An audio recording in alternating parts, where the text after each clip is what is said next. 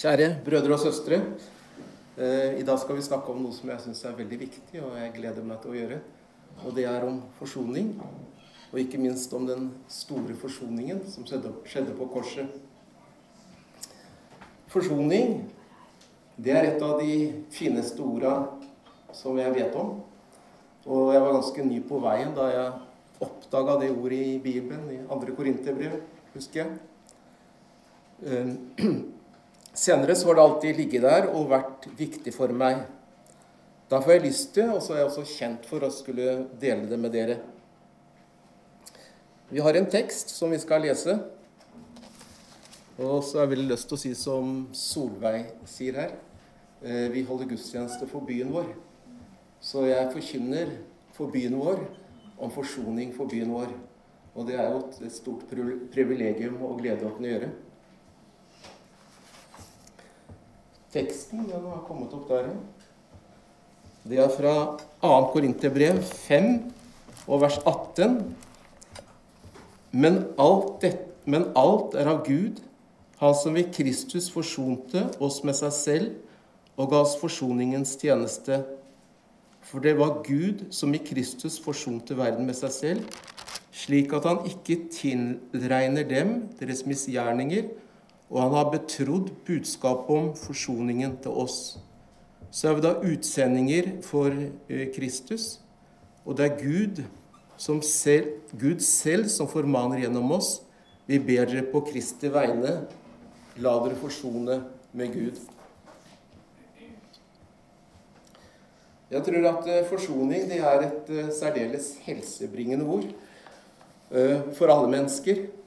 Mange hadde fått et mye bedre liv og bedre helse dersom man hadde forsonet seg med seg sjøl og andre. Det motsatte, uforsonlighet, er et veldig negativt lada ord og bringer ikke noe godt med seg. Hva betyr, hva betyr det å forsones? Det er vel så enkelt som at det som skiller oss, det som er kommet imellom oss, må bort. Vi trenger tilgivelse, og vi må selv tilgi. Og så kan vi leve i fred og med gode relasjoner til hverandre. Det hender også at vi må forsones med oss sjøl, med det livet byr oss. Det kan ta noe tid. Det er ikke alltid så enkelt. Men opprøret, det vil stilne til slutt. Og så er også det med, med forsoning at historien viser at kriger kan vinnes. Men uten forsoning har man store problemer. Et eksempel er den amerikanske borgerkrigen, hvor man ønska å avskaffe slaveriet. Og de nordstatene vant. Men eh, den holdninga som lå bak slaveholdet, den lever jo fortsatt i mange i det amerikanske samfunnet. Eh, da, vi, da går vi over til å snakke om forsoning med Gud. Bibelen og evangeliet om Jesus Kristus er absolutt den største og viktigste fortellingen i historie om forsoning. Det handler om forsoning for oss mennesker med Gud, at Han tilgir oss. Og da må vi snakke om korset, for det er der den store forsoningen skjedde. Og det gleder jeg meg til å skulle gjøre. Det er ved korset jeg ønsker å leve sjøl. Og så handler det om forsoning med hverandre. Det lærer Bibelen oss ganske mye om. F.eks. da disiplene kom og spurte Jesus om hvor mange ganger de skulle tilgi. Svaret var 70 ganger 7. Så der er ingen grenser.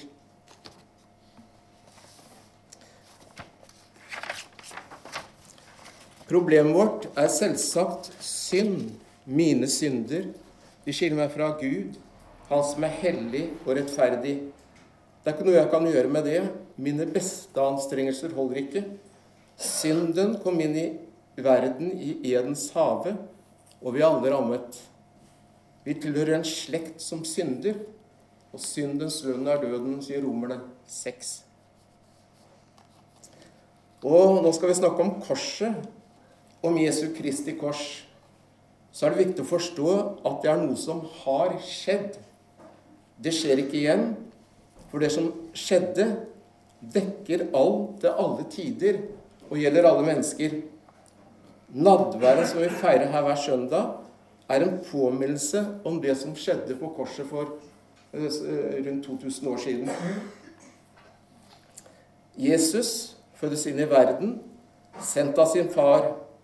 Han går omkring, gjør vel, helbreder og forkynner om Guds rike. Men den store oppgaven er å ta bort synd, sone for den, tilgi oss så vår skyld blir borte. Og det gjør Jesus frivillig. Han arresteres, forhøres, tortureres og forkastes blant de levende og dømmes til døden. Han som er rettferdig og elsker oss alle. Vår synd legges på ham, hele menneskehetens synder, og han bærer på sin kropp og på korset for å sone for det, gi sitt liv og dø. Han er en soning for våre synder, sier Bibelen. Ja, ikke bare for våre, men for alle, hele verdens. Så da kan vi gå inn i historien her, i det som har skjedd. Høre hva Jesus sier der han henger på korset. Først sørger han for sin mor, Maria, og sier til henne om Johannes, disippelen De sto begge inne ved korset. Kvinne, der er din sønn. Og til Johannes sier han, dette er din mor. Da tok Johannes henne til seg, gjemte seg. Hvilken omsorg midt i smerten. Så ber han for bødlene sine. Jesus vil forsones. Han vil tilgi. Far, tilgi dem, for de vet ikke hva de gjør. Det er slik han er vår frelser. Han er som sin far. Han tilgir så gjerne.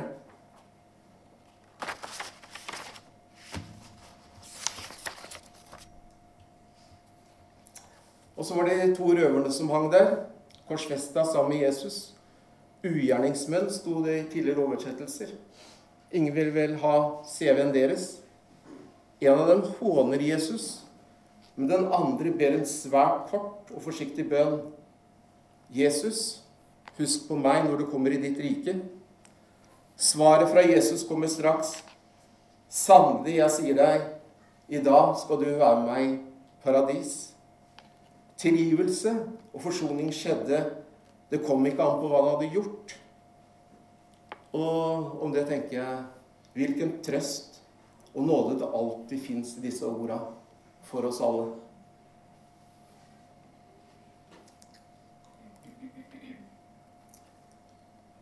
Jeg tørster, sa Jesus. Jeg tørster. Disse orda syns jeg er særdeles vakre. De treffer meg. Jeg tror at disse orda har en dobbel betydning. Visst var det naturlig og sikkert svært sterk tørst som brant i vår frelser men er det ikke deg og meg han tørster etter? Det var jo derfor han hang der. For å ta bort syndene våre, sone for dem. Det som hindrer oss, det som var imellom Gud og oss. Han hang der med armene naglet fast ut til hver side, med en åpen favn. For å ta imot oss alle. Halleluja, jeg har lyst til å si da.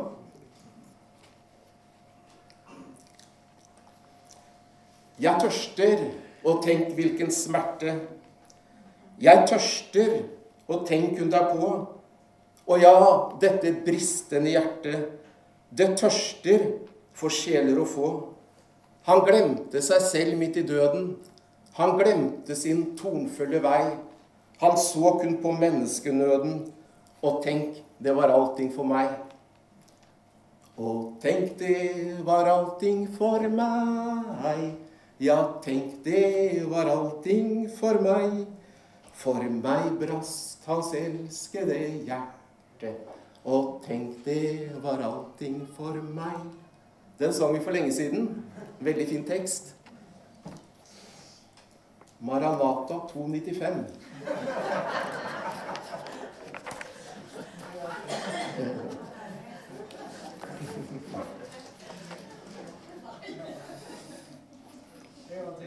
Nei, det var ikke det. Jesus fullfører sitt oppdrag. Han ofrer sitt liv. Det er fullbrakt, sier han og utånder. Da var forsoningen fullstendig ferdig og helt perfekt. Den dekker alt til alle tider for oss alle, og den svekkes aldri. Han gjør ikke mer. Det er fullkomment, det han har gjort. Så når vi ber han om tilgivelse, så har han allerede sonet for våre synder og tilgir oss. Om det så er den titusende gangen vi ber, det er det samme han tilgir. Han har betalt prisen, brakt seg selv innenfor Guds trone, det fullkomne offer. Og far sa ja. Offeret er brakt. Forsoning har skjedd. Frelse Frelse er en gave som gis til alle som vil ta imot. Vi blir ikledd, ikledd en ny drakt. Kristus, brudens drakt, den rene. Og sett fra vår himmelske Fars side er vi som Sønnen fullkomne. Hvilken kjærlighet, hvilken sjenerøsitet, hvilken overstrømmende nåde. Med et eneste offer, altså seg sjøl, har han, Jesus, for alltid gjort dem som helliges fullkomne, og det er oss. For av nåde er dere frelst ved tro. Det er ikke deres eget verk, men en gave ifra Gud. Soso, som mange er kjent med, soso er ordet, uh, greske ordet for frelst, som betyr også frelst, satt fri, forløst, helbreda, og kanskje noe mer også.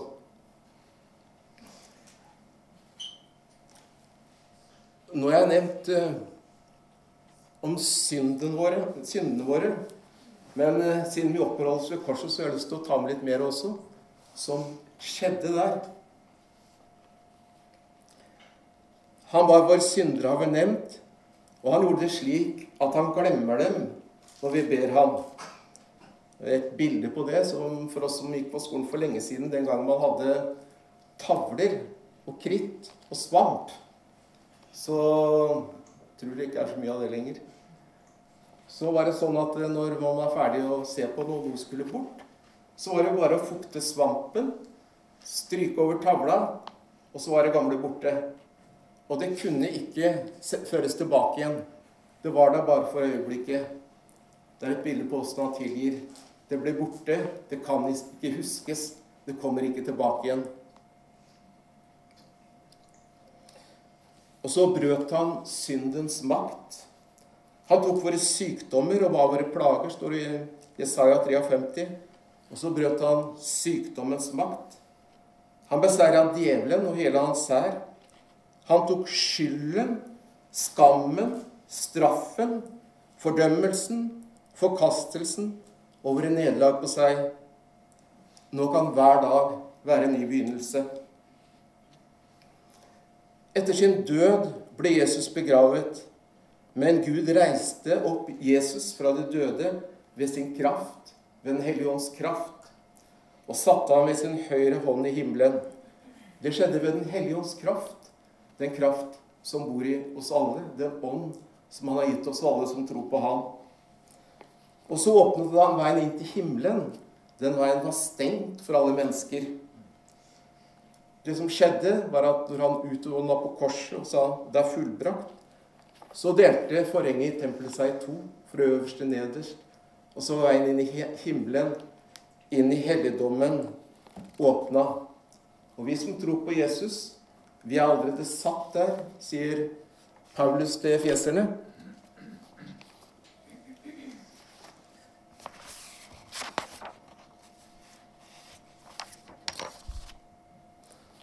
Oppreiste oss med ham og satte oss med ham i himmelen.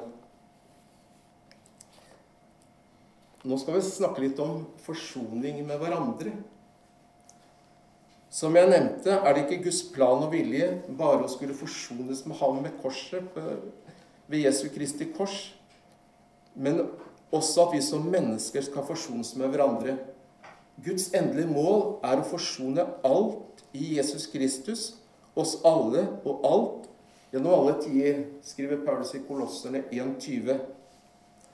Og allerede på korset har vi nå hørt at Jesus var i gang. Og det med forsoning, det har med menneskesyn å gjøre, og holdninger.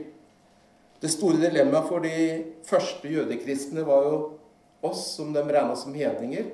Det var to folkeslag. Det var jøder, og så var det hedninger. Jødene var Guds utvalgte folk. Hedninger, det var alle oss andre. Og Paulus Den saken, den, det som skjedde, var det at eh, eh, Peter fikk en åpenbaring av Gud om at de kristne, til, nei, at uh, også hedningene tilhørte Kristus og skulle få del i evangeliet. Og så erfarer de at eh, når de hedningekristne kommer til tro, så får de Den hellige ånd. Og da skjønner de at eh, Gud også har at frelsen i Kristus gjelder for oss hedninger. Så da skriver Paulus til, til i Galatia Her er ikke jøde eller greker. Her er ikke slave eller fri. Her er ikke mann eller kvinne. Vi er alle én i Kristus Jesus. Jeg syns at eh, han for alltid avklarer de spørsmålene rundt det. Han har allerede slått fast at vi er Guds barn ved troen på Jesus Kristus. Så det er altså ingenting å si hvilken nasjon, etnisitet eller hudfarge vi har. Jøde eller greker, altså. Det er ingenting å si hvilken stand vi har. Slave, fri, fattig, rik, utdannelse, status og posisjon i samfunnet. Eller at vi kanskje ser litt forskjellig på noen trosspørsmål, sånn som nadvern. Det er heller ingenting å si hvilket kjønn eller legning vi har.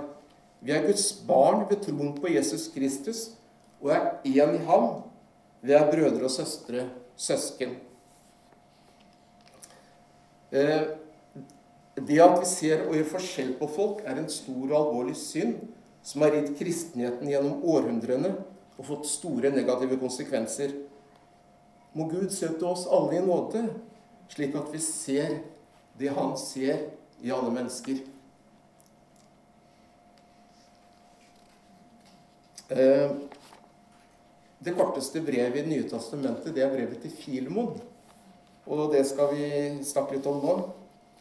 Eh, det handler om Filemon og Paulus, og så slaven hans. Og nå er jeg klar over at eh, det her med slaver ikke er akkurat noe stridsspørsmål blant oss. Men jeg syns det er en veldig lærerik eh, fortelling som har, jeg har hatt mye glede av å fordype meg Filemon han var en rik kar. Han hadde blitt frelst. Han bodde i Kolossé, i, i, det som er Tyrkia nå. Og menigheten den holdt i huset hans. Og han, han, var jo en del av det romerske riket. Og Der var det veldig vanlig å ha slaver. Det var ikke noe man stussa på eller syntes var veldig rart. Og rikdommen eh, i det romerske riket skyldtes jo i stor del at han holdt seg med treller og slaver. Det som skjer, er jo at eh, en av slavene hans han eh, var ikke så veldig fornøyd med tilværelsen, så han rømmer. Han het Onesimus. Og han rømmer så kommer han til Roma, der Paulus sitter i fengsel.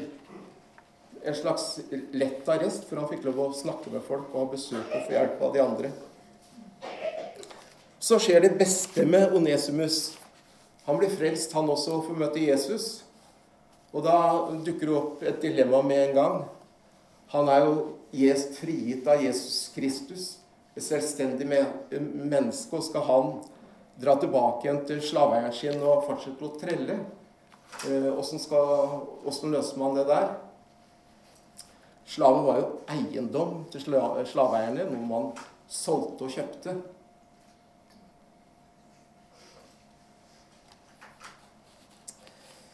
Så konkluderer Paulus med at det rette vil være at han reiser tilbake. Og så skriver han dette her et korte brev til Filemon om åssen Hva han tenker om Onesimus. Og hovedsaken i det er dette her. En slave rømte fra deg. Du får nå igjen noe som er mye mer verdt. En elska bror. Ta imot ham som meg selv. Det var jo litt å tygge på for, for Filmon, som sikkert savna slaven sin. Og tenkte at arbeidskrafta mi er borte, og dette her setter jeg ikke pris på. Eh, men Paulus han skjærer tvers gjennom. altså. Han var slaven din. Han er nå en elska bror. Og det er ikke så vanskelig å forestille seg at Filmon måtte gå et par runder med seg sjøl. Det var ikke inn å kalle slaven sin bror på den tida, men det var det han var. De var begge Guds barn ved troen på Jesus Kristus og ett i ham. De var søsken. Så vi får vel kanskje tillate vår gode bror Filmon å bruke litt tid på dette og finne ut av det med seg sjøl. Det var jo ikke et, bare et nytt ord Filmon skulle bruke på slaven sin, kall ham bror. Det gjaldt selvsagt i holdning, i handling og i respekt. Og det var sikkert også en prosess for Onesmus, dette. Skulle reise tilbake og ydmyke seg og møte Filmon igjen. Men uh, han reiste tilbake, da. Så det syns jeg er forbilledlig. Og ikke nok med det. Paulus han går så langt i ønsket om at de der to skal, virkelig skal forsones, så han skriver i det brevet sitt at uh, skylder Onesimus deg noe, uh, Filemon, så sett det på min regning. Jeg skal betale. Han virka, ønska virkelig å anstrenge seg for at de to skulle få en god relasjon, for at alt skulle gjøres opp mellom dem, og at forsoning skulle skje. Jeg syns at den fortellinga avklarer enhver diskusjon om menneskers verdi og viser oss en standard. Gud gjør ikke forskjell på, folk. Romerne 2,11. Eller som Peter uttrykte det Gud har vist meg at jeg ikke skal kalle noe menneske vanhellig eller uren. Det viser også at uh, Filemon trengte en justering av synet sitt, synet sitt på det laveste i samfunnet den gangen, slaver.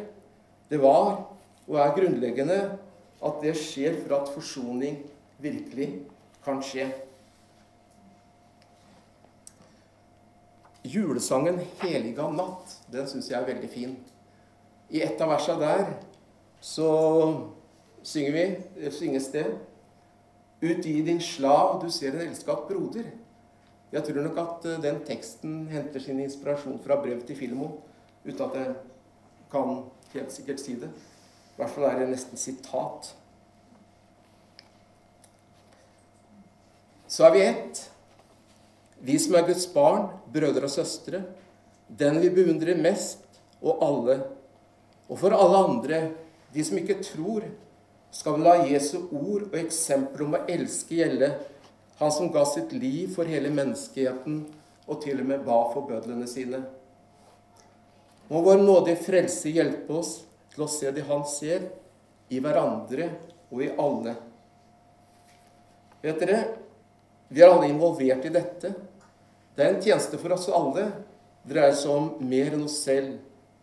Paulus sier, som vi leste i 2. Korinterne 5, at eh, vi har fått forsoningens tjeneste.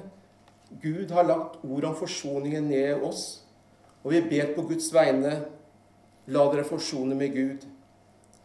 Må Han gi oss anledninger til å formidle dette, slik jeg forstår det, selve kjernen i evangeliet.